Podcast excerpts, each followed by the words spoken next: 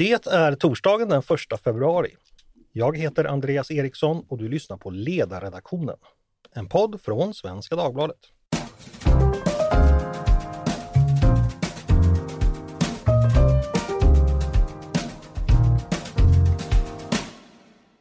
Varmt välkomna tillbaka till oss. Bör det finanspolitiska ramverk som varit ledande för de offentliga finanserna sedan 1990-talet förändras? Är några av lärdomarna och slutsatserna från den tiden numera obsoleta och bör ersättas av andra som bättre passar vår tid?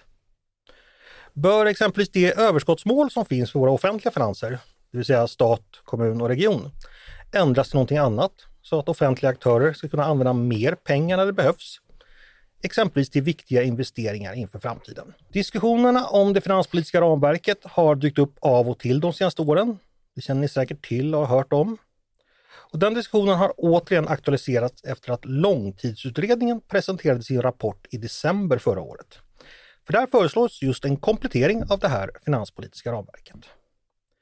Mycket kort eh, ska jag berätta om det, men mina gäster kommer snart hjälpa mig att fördjupa oss i frågan. Men det man föreslår mycket kort är, i långtidsutredningen är att regelverket utökas med fler parametrar och mål för konjunkturstabilisering. Det vill säga det som finanspolitiken tillsammans med penningpolitiken är tänkt att göra för att hjälpa till för att utjämna de svängningar som vi vet uppstår i ekonomin. Då den ibland hamnar i svackor och ibland tuffar på lite väl bra och helt enkelt blir överhettad. Ett förslag som han lagt handlar just om de offentliga finansernas saldo där det föreslås att den ska, målet för dem ska bli minus 0,5 procent av BNP. Eller med andra ord att överskottsmålet ska ersättas med ett underskottsmål. Det här skulle då innebära att vi år 2100 eh, har en Maastrichtskuld, eh, och det är ett mått på den offentliga skulden som vi kan komma in på sen, som hamnar på ungefär 47 procent av BNP. Så, det var en lång och kanske lite snårig inledning, eh, men det här är alltså ämnet för dagen. Eh, och jag tror inte det kommer vara lika snårigt när vi är klara, för jag har väldigt duktiga gäster med mig som ska hjälpa mig att reda ut det här. Nämligen Lars Kalmfors, professor emeritus i internationell ekonomi vid Institutet för internationell ekonomi vid Stockholms universitet, verksam vid IFN, Institutet för näringslivsforskning. Varmt välkommen Lars! Tack! Och sen Daniel Wallerström, professor i nationalekonomi och programchef för forskningsprogrammet Skatter och samhälle, också vid IFN. Varmt välkommen Daniel! Tack så mycket! IFN-tätt i dagens podd alltså. Eh, ni ska snart få ge er in i diskussion med varandra, för jag misstänker att det finns lite skilda uppfattningar här. Men först ska ni få hjälpa mig och lyssnarna att bättre förstå den här diskussionen genom att ge oss lite bakgrund. Nu nämnde jag det finanspolitiska ramverket i inledningen. De flesta som lyssnar har säkert hört talas om det. Men Lars, kan du berätta lite för oss? Går det att sammanfatta någorlunda kort vad det egentligen är för någonting? Ja, det är ju ett regelverk för finanspolitiken som innehåller då både budgetregler för att trygga långsiktigt hållbara offentliga finanser och eh, riktlinjer för hur finanspolitiken ska användas då för att stabilisera konjunkturen. Tittar man på budgetreglerna så är det ju då som du sa, vi har idag ett överskottsmål, alltså ett mål för skillnaden mellan intäkter och utgifter i, i offentlig sektor. Ett skuldankare, det är ett riktmärke för skulden, 35% av BNP. Sen har vi ett statligt utgiftstak, vi har balanskrav på kommuner och regioner och vi har system för att följa upp att man uppfyller målen. Eh, sen är det det här med riktlinjen då för finanspolitiken, eh, hur den ska användas för, för att stabilisera konjunkturen. Och det där fanns det ganska mycket om i tidigare eh, bestämmelser, men i, i nu gällande bestämmelser så är det ganska tunt med det. Alltså, man kan säga att det, det, det här överskottsmålet ska ju gälla över en konjunkturcykel, behöver inte gälla varje år och det ger utrymme för konjunkturpolitik. Men man har inte specificerat nu eh, egentligen hur finanspolitik och penningpolitik ska samverka eller användas för att eh, stabilisera konjunkturen. Och det är en brist där jag tror nästan alla är eniga om att oberoende av vad man tycker så behövs det klara riktlinjer för mm. det. Okej, okay. jag ska ställa ytterligare en väldigt basic fråga. Vad är finanspolitik? Ja, det är ju beslut om skatter och offentliga utgifter. Uh, och så då tänker man sig ofta att man ska använda de variationer i skatter och offentliga utgifter för att påverka konjunkturen. Ungefär som vi gjorde under pandemin när det var dåliga tider, att man då kan sänka skatter och framförallt mm. öka offentliga utgifter. Så när regeringen lägger sin statsbudget, då är det ett exempel på att den bedriver finanspolitik? Ja, och det kan ju finnas andra skäl till att man gör saker också än, än, än att stabilisera konjunkturen. Det kan ju vara fördelningsskäl till exempel. After the holidays, a little cash goes a long way. The Chime checking account has tons of benefits to help, like fee-free overdraft up to $200 for eligible members, no monthly fees, and thousands of fee-free ATMs. You can even get paid up to two days early with direct deposit. Sign up for Chime today at Chime.com slash Goals24. Banking services and debit card provided by the Bancorp Bank N.A. or Stride Bank N.A. members FDIC. Spot me eligibility requirements and overdraft limits apply. Out-of-network ATM withdrawal fees may apply. Access to direct deposits up to two days early depends on the timing of the submission of the payment file from the payer.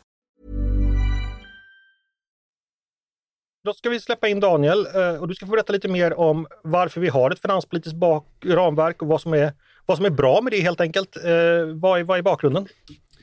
Ja, men bakgrunden är eh, den ekonomiska historien i svensk eh, modern tid. Eh, och det har ju mycket att göra med de erfarenheter vi drog från 1970 och 1980-talens eh, ekonomiska politik i en föränderlig omvärld kan man väl säga, där vi insåg att vi behöv, det finns risker med att eh, ta för stora lån, inom, för även om det finns behjärtansvärda utgifter kanske här och nu så blir statsskulden lite för stor och vi kan eh, behöva helt enkelt begränsa lite handelsutrymmet i, i, i de situationer när politiker har en tendens att vilja, ja, att vilja få få kortsiktiga vinster, eventuellt på, den långs på långsiktighetens bekostnad. Så jag, jag, tror att efter den stora ekonomiska krisen i början på 90-talet när den svenska ekonomin ruckades om rejält eh, och, och, efter perioder av mycket hög inflation och, och, hög, hög skuldsättning, vi hade ju andra problem när det gäller kreditmarknaden och sådär, så, så fick, kom vi in i en situation när arbetslösheten steg väldigt kraftigt. Vi fick en, en, problem med konkurrenskraften och värdet på kronan. Och, och mycket av den diskussionen och lärdomarna handlade om att det var nog en hel del felaktiga beslut i den politiska sektorn. Så då tänkte jag att vi, om vi kan komma in med lite mer regler och, och ramar för politiken som gör, det trovärd, som gör politiken trovärdigare och kanske lättare att tolka, så skulle det bli bättre. Och det var säga, grunden i att man började föreslå de, det här ramverket för finanspolitiken. Man kan, en bild om man nu vill förstå hur vi, vi ibland kan tänka, det är lite som Odysseus och sirenerna. Odysseus är på, till sjöss och eh, hör de här lockande ropen från sirenerna, inser någonstans att det är farligt att hoppa i, land, eh, hoppa i vattnet och simma till dem för att de kommer att äta upp dig. Och därför och han känner, men han känner att han kan inte motstå de här lockropen, så då binder han sig vid masten för att inte ta beslut som han senare kommer att få ångra. Och det, är, det är i alla fall en aspekt av vad regelverket är. Att, eh, och att på så sätt så skapa förtroende för att han kommer att klara av att eh, styra båten i hamn åt rätt riktning och så. Mm, okay, det var väl en utmärkt liknelse. Lars, vill du komplettera någonting där eller är vi nöjda ja, så länge? Ja, ja, men det är ju riktigt som Daniel säger att det är de svenska erfarenheterna då under framförallt 1990-talskrisen och även det som hände förut som ligger bakom. Men det här är ju ingenting som är unikt för Sverige utan eh, eh, ja, alla EU-länder många andra länder också har ju tydliga budgetpolitiska mål just av de här skälen att man ska undvika att politiken blir för kortsiktig. Eh, så att det har varit en trend överhuvudtaget att införa tydliga eh, sådana mål. Sen har vi valt lite mer ambitiösa mål än andra länder, men mm. det finns samma tendens överallt nästan. Bra, men då har, vi, då har vi det klart för oss. Då ska vi övergå lite till eh, anledningen till att vi är här då idag, varför den här diskussionen, ja den har ju som jag sa, den har, har ju funnits länge men att den har dykt upp nu, det är ju den här långtidsutredningen. Och långtidsutredningen det är något som Finansdepartementet ägnar sig åt och det kommer en ny sån ungefär vart fjärde, eller vart fjärde år tror jag. Eh, och den senaste presenterades alltså i december och rör då finanspolitiken. Eh, jag tänkte vi skulle prata mer om den. Lars, jag vet ju att du har varit en smula inblandad i den och författare till en av bilagorna. Eh, kan du berätta vad det är långtidsutredningen den här gången är, är ute efter? Vad, vad är det den handlar om och vad föreslår man?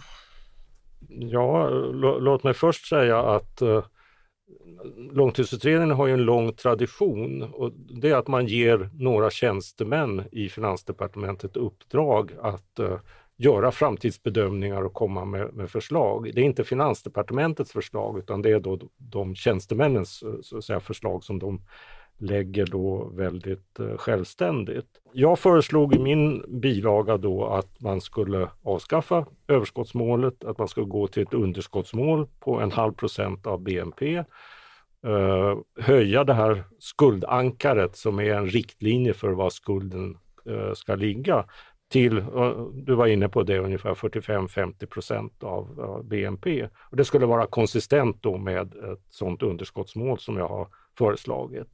Långtidsutredningen eh, landar sen i, i, i, samma förslag. Sen så vill långtidsutredningen då ha en mycket mer aktiv finanspolitik, alltså att finanspolitiken ska spela en större roll för att stabilisera konjunkturen än eh, som den tidigare har gjort. Eh, så man lägger en rad förslag om det. Jag har det också i min bilaga. Eh, det är inte identiskt med långtidsutredningen. De, de går väldigt långt. Jag vill inte gå riktigt lika långt som dem. Men jag ser också ett, ett, ett behov av att utforma riktlinjer där för finanspolitiken som är, är, tydligare och lite mer ambitiösa än idag. Okej, okay. men, men då tar vi det här lite del för del. Vi ska börja med, med överskottsmålet och det eventuella underskottsmålet. Jag ska bara säga då att idag är ju överskottsmålet en tredjedels eh, procent. procent av BNP och BNP är ungefär 6 000 miljarder. Så den som är lite snabb i huvudet räknar ut att det är då 20 miljarder man ska gå plus över den här konjunkturcykeln som, som Lars nämnde tidigare, vilken då är flera år då så att säga. Medan då kan man lika snabbt räkna ut att en halv procent av BNP det är då 30 miljarder just nu. Eh, och det, det är vad du tänker att man skulle kunna tänka sig att gå back under en cykel eller, eller per år? Eh, Nej, det här måste gälla över en hel cykel. Ja, cykel. Om man har det varje år, då skulle man ju, när det var lågkonjunktur, skulle man ju strama åt då för att ja, klara målet och då, då, förstärker ju det konjunktursvängningarna så att mm. man måste ha det här som ett snitt över ett antal år. Okej, då släpper vi in Daniel igen. Det här med att ersätta överskottsmålet med ett underskottsmål som då, ja, det skiljer då 50 miljarder över ett konjunkturcykel kan man räkna ut. Vad tänker du om det förslaget? Jag, menar, jag tycker framförallt, eller för det första tycker jag det är väldigt viktigt att de här sakerna diskuteras, att vi har återkommande granskningar av de här, det här ramverket och det är viktigt och att vi också är självkritiska, att vi kan utmana eh, de här eh, ramarna och de eh, utgångspunkterna. Så att jag uppskattar verkligen långtidsutredningens mål med att göra den typen av genomlysning. När det gäller Överskottsmålet idag, eh, så, så, hör, så hör vi nu i diskussionen, det är inte något jättestort överskott vi pratar om och det som Lars pratar om när det gäller underskott är inte heller något enormt epokgörande skifte i pengar egentligen. Däremellan kan man säga ligger det här så kallade balansmålet, att vi helt enkelt varken har över eller underskott utan att vi ska gå i balans över en konjunkturcykel. Och jag kan tycka att Eh, den samlade erfarenheten eh, och att, när det gäller den ekonomiska historien och, och, lite faktiskt, men även den moderna tiden, vi ser hur valrörelsen eh, gick till när det gäller olika överbud för att skapa väljaropinion och väljarstöd, men även de allra sista dagarna när det gäller utspel för när, folk, när partierna har sett på den möjligheten som finns att ha underskott, att låna till utgifter. Det tycker jag för mig är en signal om att det är nog rätt bra att ha ett balansmål, att, att vi ska skriva in en regel om att man ska gå med underskott, eh, tycker jag är att ta det här för långt. Både, är det släppa knutarna lite att, på mastbindningen? Så att säga? På, på något sätt så handlar det lite om att eh, vi vill ju ha buffertar, säkerhetszoner för, eh, inför att det kan hända hemska saker i vår omvärld och det har vi ju nyligen sett med pandemin. Och, det, och det är därför det är så viktigt att vara i genomsnitt rätt. Att tänka att du går, om du har, träffar folk och du är oftast lite, om du är lite sen, eh, eh, och då är det klart att det är okej okay att vara lite sen om man ibland är också i, i god tid, lite före i tid till exempel, så att man är i genomsnitt rätt. Men om man hela tiden är tallar på fel sida så, så har man liksom väldigt lite goodwill kvar. Och det gäller också att det här är en trovärdighetsaspekt till, till, från marknaden, från andra länder, men från den egna befolkningen. Litar vi på att politikerna ska behålla, eh, stå upp för de här löftena eh, eller kommer det finnas liksom en, en sluttande plan om vi vill eh, hela tiden gå mot ökade, ökad spendering, ökad skuldsättning. Så därför tycker jag att balansmål tycker jag känns rimligt eh, utifrån hur det ser ut idag, men att ha ett underskottsmål som målsättning tycker jag känns att gå för långt. Okej, jag ska översätta det här till liknelsen. Eh, Odysseus, eh, repen lättar lite, politikerna tänker 50 miljarder extra under en konjunkturcykel, gnuggar sina händer lite och tänker varför inte lite mer kanske, så, så, så börjar det någonting. Det är lite den risken du ser, att man inleder en process där vi hamnar i slutändan tillbaks där vi, dit vi inte ville vara. Så att säga.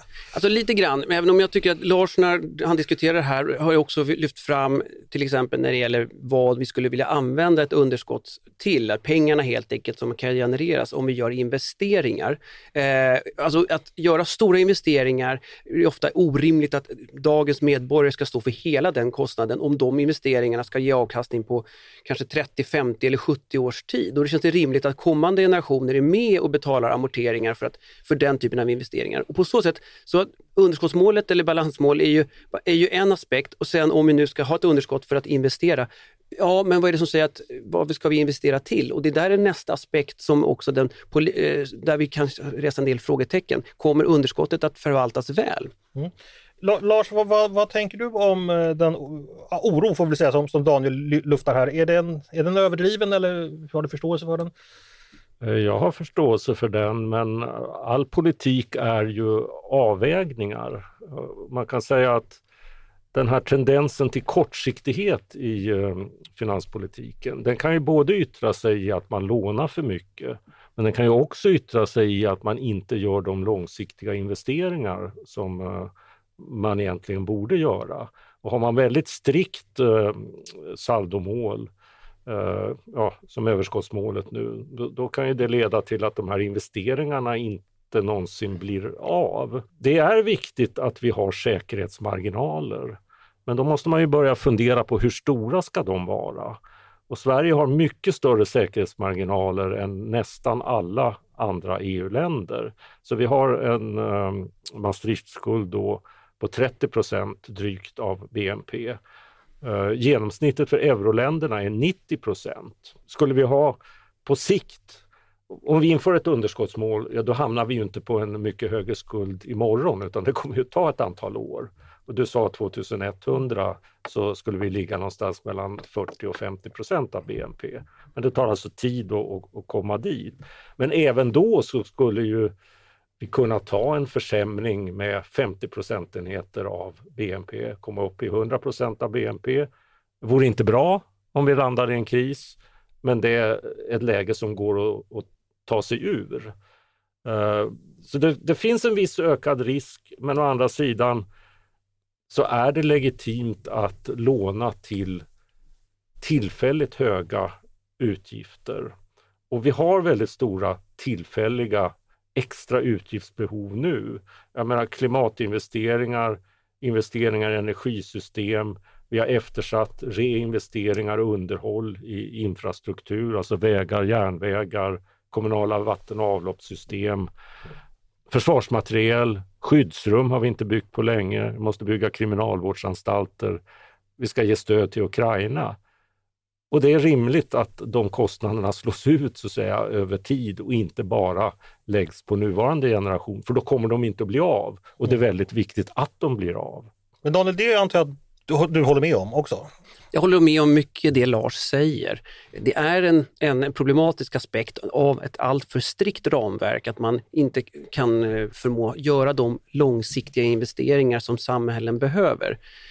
Så att, och det tycker jag är, det är viktigt att understryka. Och och det är klart, där, och vi, tack vare det här ramverket så är vi i den situationen att vi kan prata på det här sättet, att vi skulle kunna ta till oss eh, att, att satsa på vissa saker.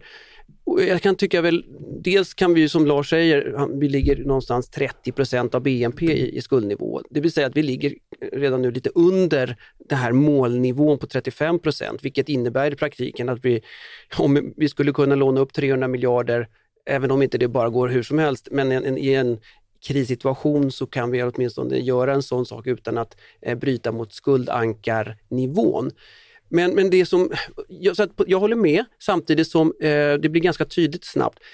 vad betyder klimatinvesteringar på riktigt? Energisystem som Lars säger, ska det vara kärnkraftverk eller ska det vara vindkraftverk i glesbygd? Där ser vi nästa nivå av, av svårigheter att komma överens om vilka är de här exakt som är bra. Vi hade kärnkraften idag är jättestora investeringar. Vi hade för bara ett handfull år sedan höghastighetståg som var gigantiska investeringar som skulle och inte kunna... Bra. Nej, nej men precis. Jag håller verkligen med om det och där var ju liksom rapport efter rapport av olika expertinstanser som verkligen rödflaggade det. Men det var i klimatets namn.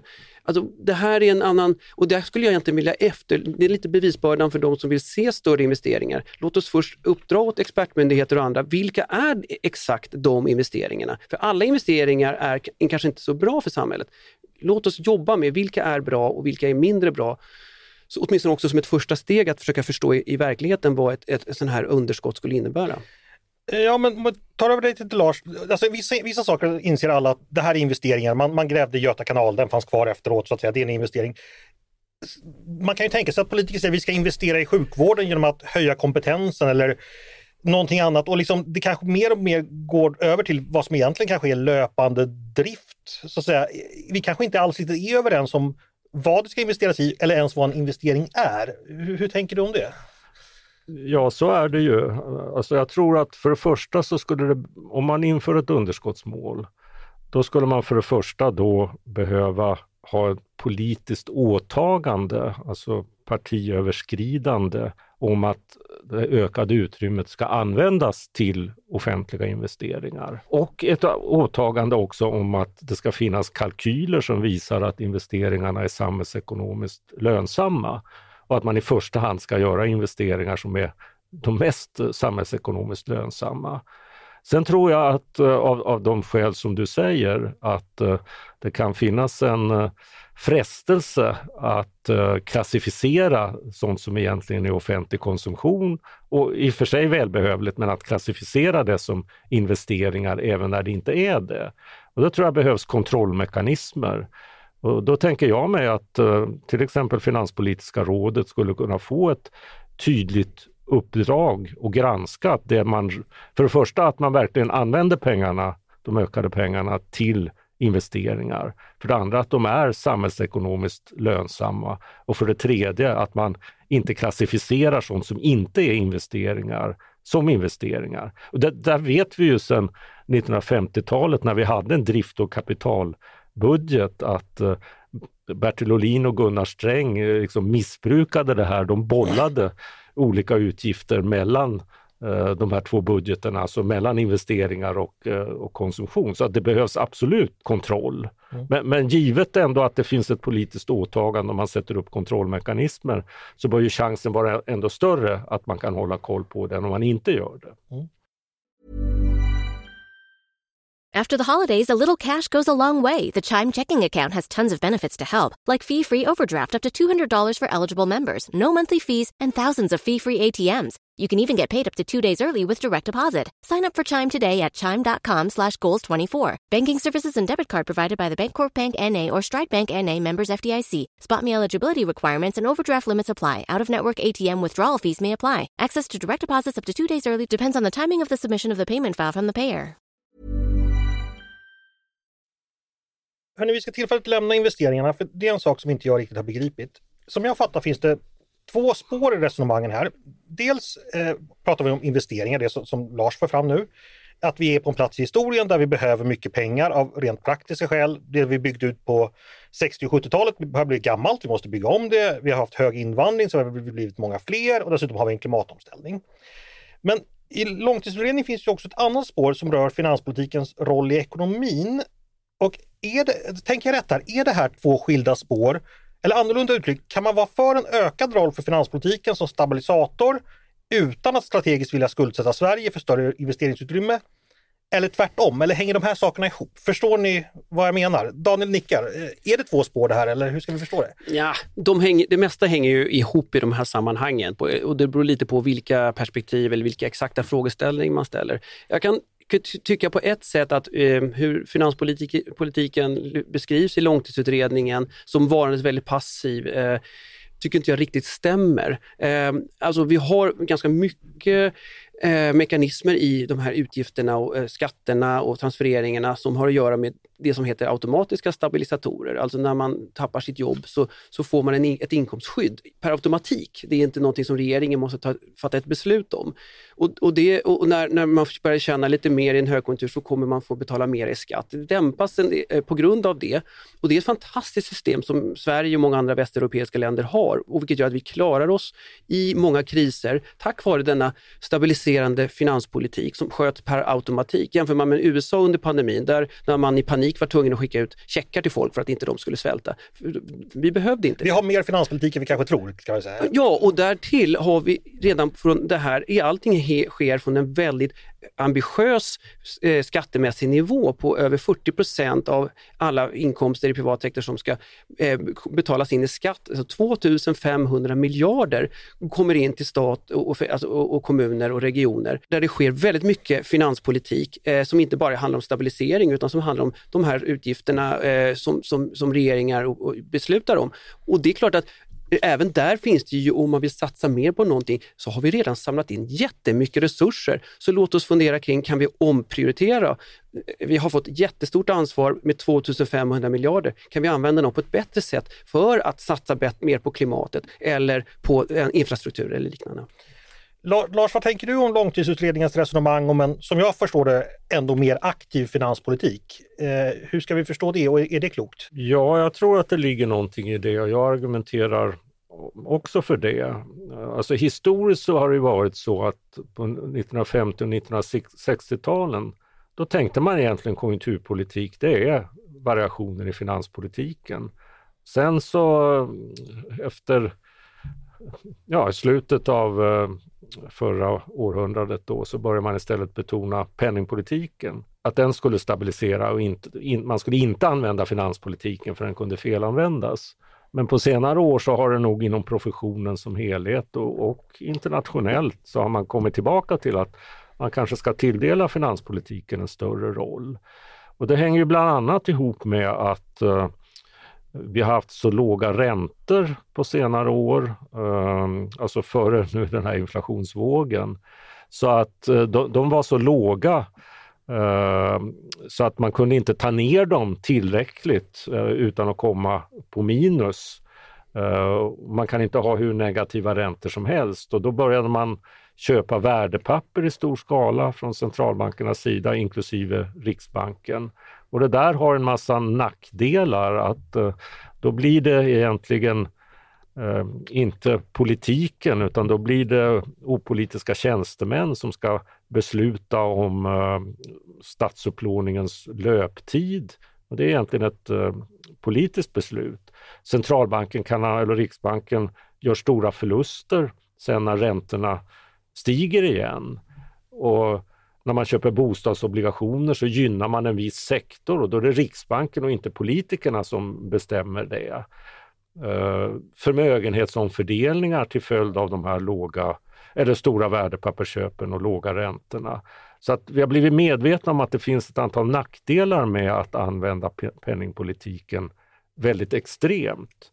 Och I sådana lägen så, så, så, finns det ett starkt argument för att använda sig mer av finanspolitik. Och det ser också ut som finanspolitik är mer effektiv att påverka efterfrågan än vi har tidigare trott. Det, det, det finns mycket sen forskning som tycks tyda på det. Och att den är särskilt effektiv när räntan har nått en, en, en lägsta nivå. Mm. Eh, Daniel, eh, som Lars säger, vi, vi som eh, gick i skolan runt millennieskiftet, vi fick lära oss att det där med finanspolitik egentligen i slutändan inte var så effektivt egentligen. Eh, då läste man ju liksom att Keynes, så trodde man förr, nu vet vi bättre. Lärde vi oss fel saker? Har nationalekonomin de senaste 25 åren lärt oss annorlunda, som Lars säger? Ja, både och. Eh, vi, vi, måste hela tiden lära och förbättra oss. Jag tror nog att vi lär oss mer. Eh, så jag tror att mycket av det som Lars säger stämmer. Samtidigt så finns det en problematik när det gäller eh, för det första att utmåla det som att vi inte bedriver finanspolitik. Vi har, bedriver jättemycket finanspolitik i Sverige. Vi samlar in jättemycket skatter som vi satsar pengar på eh, och det är så att säga ett tecken på att vi faktiskt tror på finanspolitikens eh, förmåga eh, på, i väldigt hög grad. Sen är det klart, när, när det gäller räntan eh, eh, och penningpolitiken och den här långtidsutredningen som kom fram så kan man väl säga att det var väl lite olycklig timing att man inte var kvar i det här eh, lågräntemiljön i slutet på 10-talet, där, som på något sätt var, måste ha varit en, som en sån idémässig grund för den här långtidsutredningen, eh, när det var väldigt, väldigt billigt att låna. Och, och då är det klart att då, en, då, finns det mycket spelrum för politiken, eh, om man nu vill tänka så. Samt, för nu har vi en helt annan situation, med mycket högre räntor. Man kan fundera på om Eh, kommande års räntor kommer att bli mycket lägre. Det är inte alls säkert. Tvärtom så verkar ekonomin kunna fortsätta eh, komma, eh, utsättas för olika sorters eh, krisscenarier. och det, det gör ju att det läget som kanske många pratat om på 10-talet, det gäller inte längre och det kanske inte kommer gälla på många år när. En annan aspekt när det gäller finanspolitiken som jag fortfarande inte riktigt tror att vi har riktigt kommit till rätta med, det handlar om de här fördröjningarna.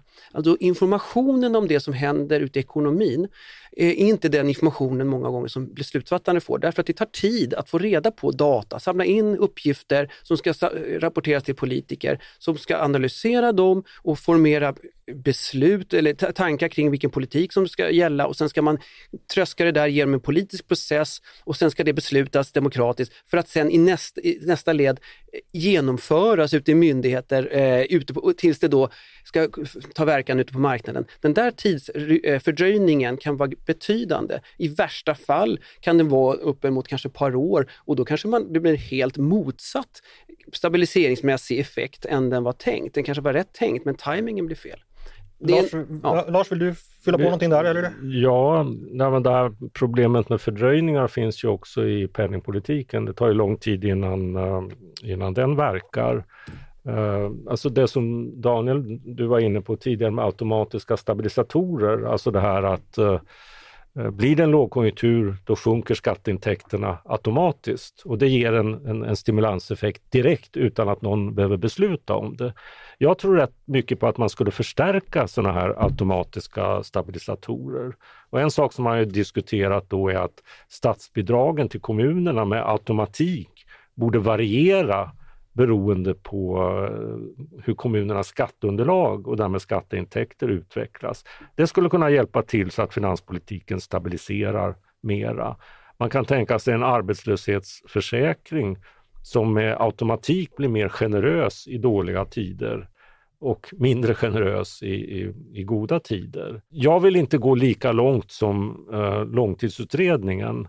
Eh, de, de tror ju väldigt mycket också på det vi kallar för diskretionära aktiva beslut. Det är svårare. Jag menar det får du nog förklara vad det är för något. Ja, att man bestämmer att nu ser det så, så illa ut så att nu, nu ändrar vi skattesatser här till exempel. Mm. Eh, eller spär på de uh, offentliga utgifterna. Det, det är så att säga, mer problematiskt att göra. Jag tycker att penningpolitiken ska liksom ha huvudansvar. Penningpolitiken och de automatiska stabilisatorerna ska ha huvudansvaret för att stabilisera konjunkturen. Men sen borde man skriva in i det finanspolitiska eh, ramverket då att finanspolitiken bör understödja penningpolitiken så att den inte behöver bli extrem, alltså inte extremt höga räntor för att dämpa konjunkturen eller att man måste ta till negativa räntor eh, eller stora värdepappersköp i, i, i uh, djupa lågkonjunkturer. Utan i sådana lägen menar jag så bör man använda finanspolitiken kanske lite mer än man har gjort tidigare.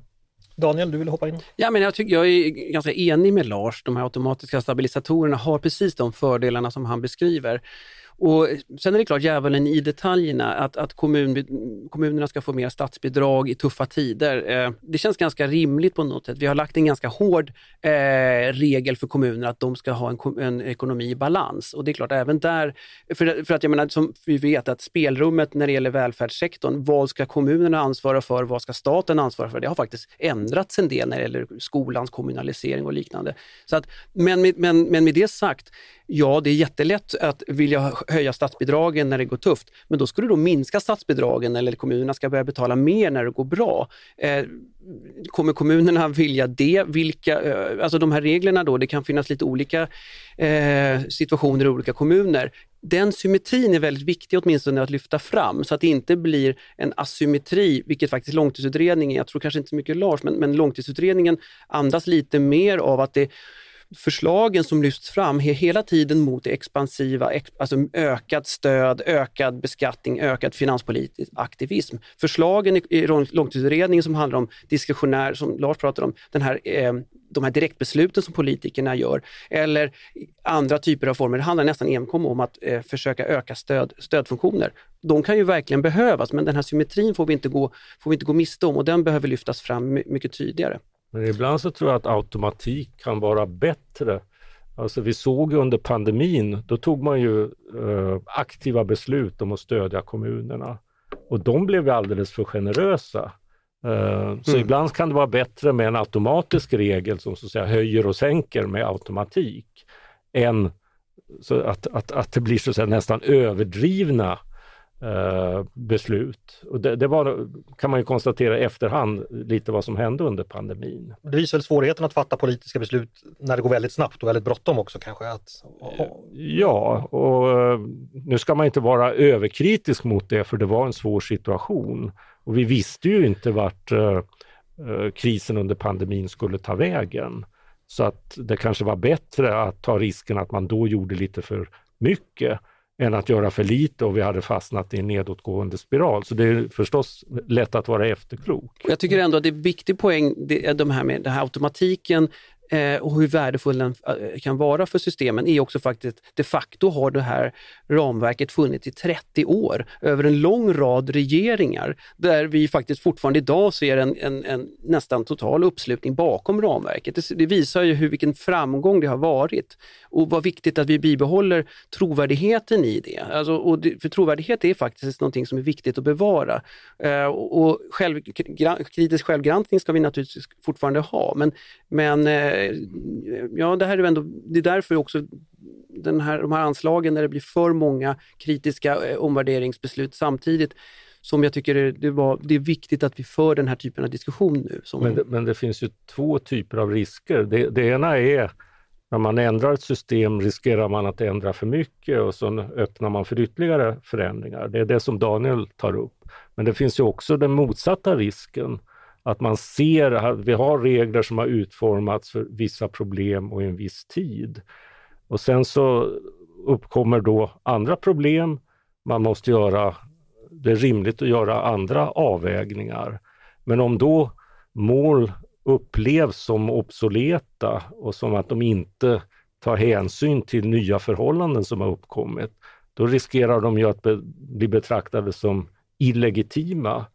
Och då kan man få överreaktioner. Så jag tror det är bättre att eh, försöka skruva i, i, systemen när det blir förändrade omständigheter än att bara hålla fast vid, vid det tidigare. Och det, det, finns lite, tycker jag, en tendens här i diskussionen att man dramatiserar för mycket. Eh, skulle vi gå mot eh, ett underskottsmål på, på en halv procent av BNP eller och eh, högre skuld då med 10-15 procentenheter av BNP, då skulle vi ju fortfarande i en internationell jämförelse framstå som väldigt ansvarsfulla. Så man ska inte dramatisera för mycket. Daniel, är du en drama queen? ja, jag vet inte. Vissa kanske tycker det. Eh, och det är klart, eh, och, ja, alltså vi, vi ligger i en, en, en miljö där vi kan, kan man säga, kosta på oss att, att eh, att ha det här lite friare svängrummet. Eh, och det är klart att den internationella jämförelsen som jag alltid tycker man alltid måste göra, den, den är ju dock ganska avskräckande. Vi ser ju de stora kontinentaleuropeiska länderna som ligger ofta då över en sorts anständighetsgräns i vad, vad de här skuldbeteendena, skuldsättningen ska, ska, hur den ska vara. Och där ser vi att det har de ju brutit sedan länge mot de här Maastrichtreglerna i stabilitetspakten. Bara det är ju en trovärdighetsförsämrande aspekt som ju bådar illa. Och att eh, Sverige Ja, jag håller med. Det är klart att inte vi ska bli dogmatiska. Eh, det får vi inte bli. Man ska också komma ihåg att beskattning, ökad beskattning innebär ju mindre aktivitet i privat sektor. Så det är inte det att om inte staten gör någonting så sker ingenting. Tvärtom har vi en privat sektor som hela tiden vill göra saker. Och att, att Eh, då har mindre beskattning gör att vi får den typen av flexibla marknadslösningar på de utmaningar vi står inför. Får jag plocka upp det? För att jag vet inte om ni läste Stefan Fölster på DN Debatt eh, här för några dagar sedan. Han pratade om det här med investeringar, om vi går tillbaka till investeringar, att det offentliga kanske inte är så jättebra alltid på att, vi har varit inne på det, och veta vad man ska investera i. Jag menar, även privat sektor vill ju gärna investera när man kan tjäna pengar. Har, fastnar vi lite för mycket eller är det bara det offentliga som kan göra vissa investeringar? Hur ska man tänka här Lars? Eh, nej, alltså det är ju väldigt viktigt med klara spelregler och klara signaler om hur skattesystem kommer att utformas i framtiden för att den privata sektorn ska våga göra investeringar. Och en hel del av klimatinvesteringarna eh, och investeringarna i energisystem kan göras av privat sektor. Det är en ganska svårutredd fråga vad ska privat sektor göra och vad ska offentlig sektor göra? Men samtidigt verkar det klart för mig och för många andra att vi har behov av mer offentliga eh, infrastrukturinvesteringar. Försvarsmateriel, ja det är ju bara staten som kan göra skyddsrum. Eh, ja, måste i varje fall regleras, men kanske också krävs eh, bidrag från, från staten. Men, men, men sen så är, det ju viktigt att vi får en kultur där man i första hand gör de investeringar som är samhällsekonomiskt lönsamma. Och det har ju politiker många gånger valt att medvetet gå, if gå ifrån och inte ta hänsyn till de samhällsekonomiska lönsamhetsbedömningar som finns. Så där måste man skärpa till det hela. Mm. Mm. Mm. jag, håller helt, jag håller helt med Lars. Naturligtvis. Jag tyckte Stefan Fölsters debattartikel var väldigt intressant och klargörande. Och, att, och det är viktigt att det här sägs, att alla investeringar är kanske inte lönsamma i, i någon sorts samhällsekonomisk eh, bemärkelse. Och där, där har vi många experter i myndigheter och andra som, som kan hjälpa till och vara väldigt tydliga med vilka, vilka infrastrukturinvesteringar ska vi göra och så vidare och så vidare. Så det där, eh, ja, jag mm. håller helt med. Hörni, vi ska börja försöka knyta ihop det här. Jag kan säga till de som lyssnar som inte kan få nog av det här kan ju förstås själv läsa långtidsutredningen. Eh, den hittar man på regeringens hemsida. Eh, huvudrapporten är tusen sidor lång ungefär. Och så finns det en del underlagsrapporter med ytterligare några hundra sidor som man har att göra ett tag. Eller så gör man som jag och tittar på powerpointen. Eh, den är tio sidor lång och då får man i alla fall en sammanfattning. Eh, hörni, vi ska som sagt sy ihop det här. Jag tänkte att ni ska få, få, få avsluta var och en och, och så säga, knyta ihop säcken eh, med, med det viktigaste som vi har sagt idag. Och vi börjar med dig Daniel. Ja, vi utgick, du, du var lite orolig över eh, den här diskussionen och vart den leder. Så att säga. Eller, skulle du kunna, vad, vad, är det du, vart tror du vi i sämsta fall kan vara på väg och vad är du, varför är du ute i den här debatten så att säga? Ja, nej, men på något sätt, jag ville vara, hjälpa till att, att, bidra till att vi diskuterar på, på det här sättet som vi sitter nu och, och lys, genomlyser den typen av eh, möjligheter och utmaningar och problem som kan finnas med att rucka på det här ramverket som har gett oss sunda statsfinanser. Men inte bara det, eh, även då fundera på, eller till och med börja ifrågasätta den här rågången mellan eh, regeringen och Riksbanken. Den här viktiga, det här viktiga oberoendet som faktiskt finns i de allra, allra flesta västländer. Därför vi vet att det oberoendet borgar för en, en, annan långsiktighet också i penningpolitiken. Och det här, tycker jag, eh, det här kände jag var viktigt att vi lyfter. Och jag, jag vill också lyfta den här politiska processen som finns inneboende. Den fanns inneboende på 70 80-talen där vi hade eh, olika politikexperiment som inte blev så lyckosamma för svensk ekonomi. Och vi, vi, vi lärde oss av dem, eh, men nu har det gått, eh, när vi instiftade ramverket, men nu har det gått en generation. Och oron är nu hos mig om vi har glömt de lärdomarna. Titta på valrörelsens olika sorters utspel, men ännu mer, titta på de utspelen vi har sett i svensk politik bara nu de sista två veckorna kanske, efter att folk i, i partierna började få upp ögonen för att oj, vi kan ju låna och spendera istället för att göra de här tuffa omprioriteringarna av alla de här miljarderna som vi redan samlar in. Så ingen ska behöva få mindre, eh, framtida generationer får betala eh, dagens spenderingar den, de tendenserna, och då handlade det tyvärr inte bara om infrastrukturinvesteringar utan då var det för social välfärd, de äldre och, och, och olika sorters rena konsumtionsutgifter. Det för mig var en intressant signal om att ramverket tror jag fortfarande behöver stå stabilt som det är och jag tycker inte att vi ska instifta regler om att vi ska ha underskott hela tiden. Det, det är den typen av lärdomar jag drar. Okej, eh, Lars, slutord från dig. Vad tycker du är det viktiga att lyssnarna tar med sig från det vi, det vi har sagt idag? Ja, att ekonomisk politik alltid är avvägningar där man ska väga olika risker mot varandra och att vi nu är i en annan situation, att uh, vi valde ju ett strikt ramverk just för att kunna ha möjligheter att hantera eh, andra situationer. Och nu är det lite av en annan situation. Eh, men eh, det, det är förstås viktigt att poängtera det här att man kan låna till tillfälliga, tillfälligt högre utgifter, framförallt då om de är investeringar. Men när man sätter upp mål, om man då sätter upp ett underskottsmål, ja då, då måste man ta det målet på allvar så att eh, man inte hamnar i det här att om Eh, långtidsutredningen och jag säger 0,5 procent så säger Vänsterpartiet 1 procent och Daniel Suhonen 3 procent. Han säger 30. Nej, det gör han väl inte. Nu skämtar jag lite med honom. Ja. Men att man, man inser att man i olika situationer måste göra olika avvägningar. Och det är inte fråga om egentligen från någons håll något seriöst håll i alla fall, att kasta ramverket över bord, utan det gäller att välja en lite annan målformulering än tidigare och sen ta den på allvar. Och det är inte revolution, det är evolution skulle jag vilja säga. Tack för det! Och därmed säger jag stort tack till eh, Lars Calmfors och Daniel Walderström som gjorde high five i studion precis här. Jag tyckte det var en klatschig avslutning av Lars. Stort tack båda två! Tack. Stort tack båda två för att ni kom hit. Och stort tack också till er som har lyssnat på dagens avsnitt av Ledarredaktionen.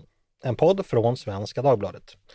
Som vanligt är ni varmt välkomna att höra av er till redaktionen med tankar och synpunkter på det vi precis diskuterat jag misstänker att det här är någonting som ganska många av er som lyssnar eh, själva har tankar och idéer om, så hör gärna av er. Och ni får också gärna höra av er om ni har idéer och förslag på vad vi ska ta upp i framtiden.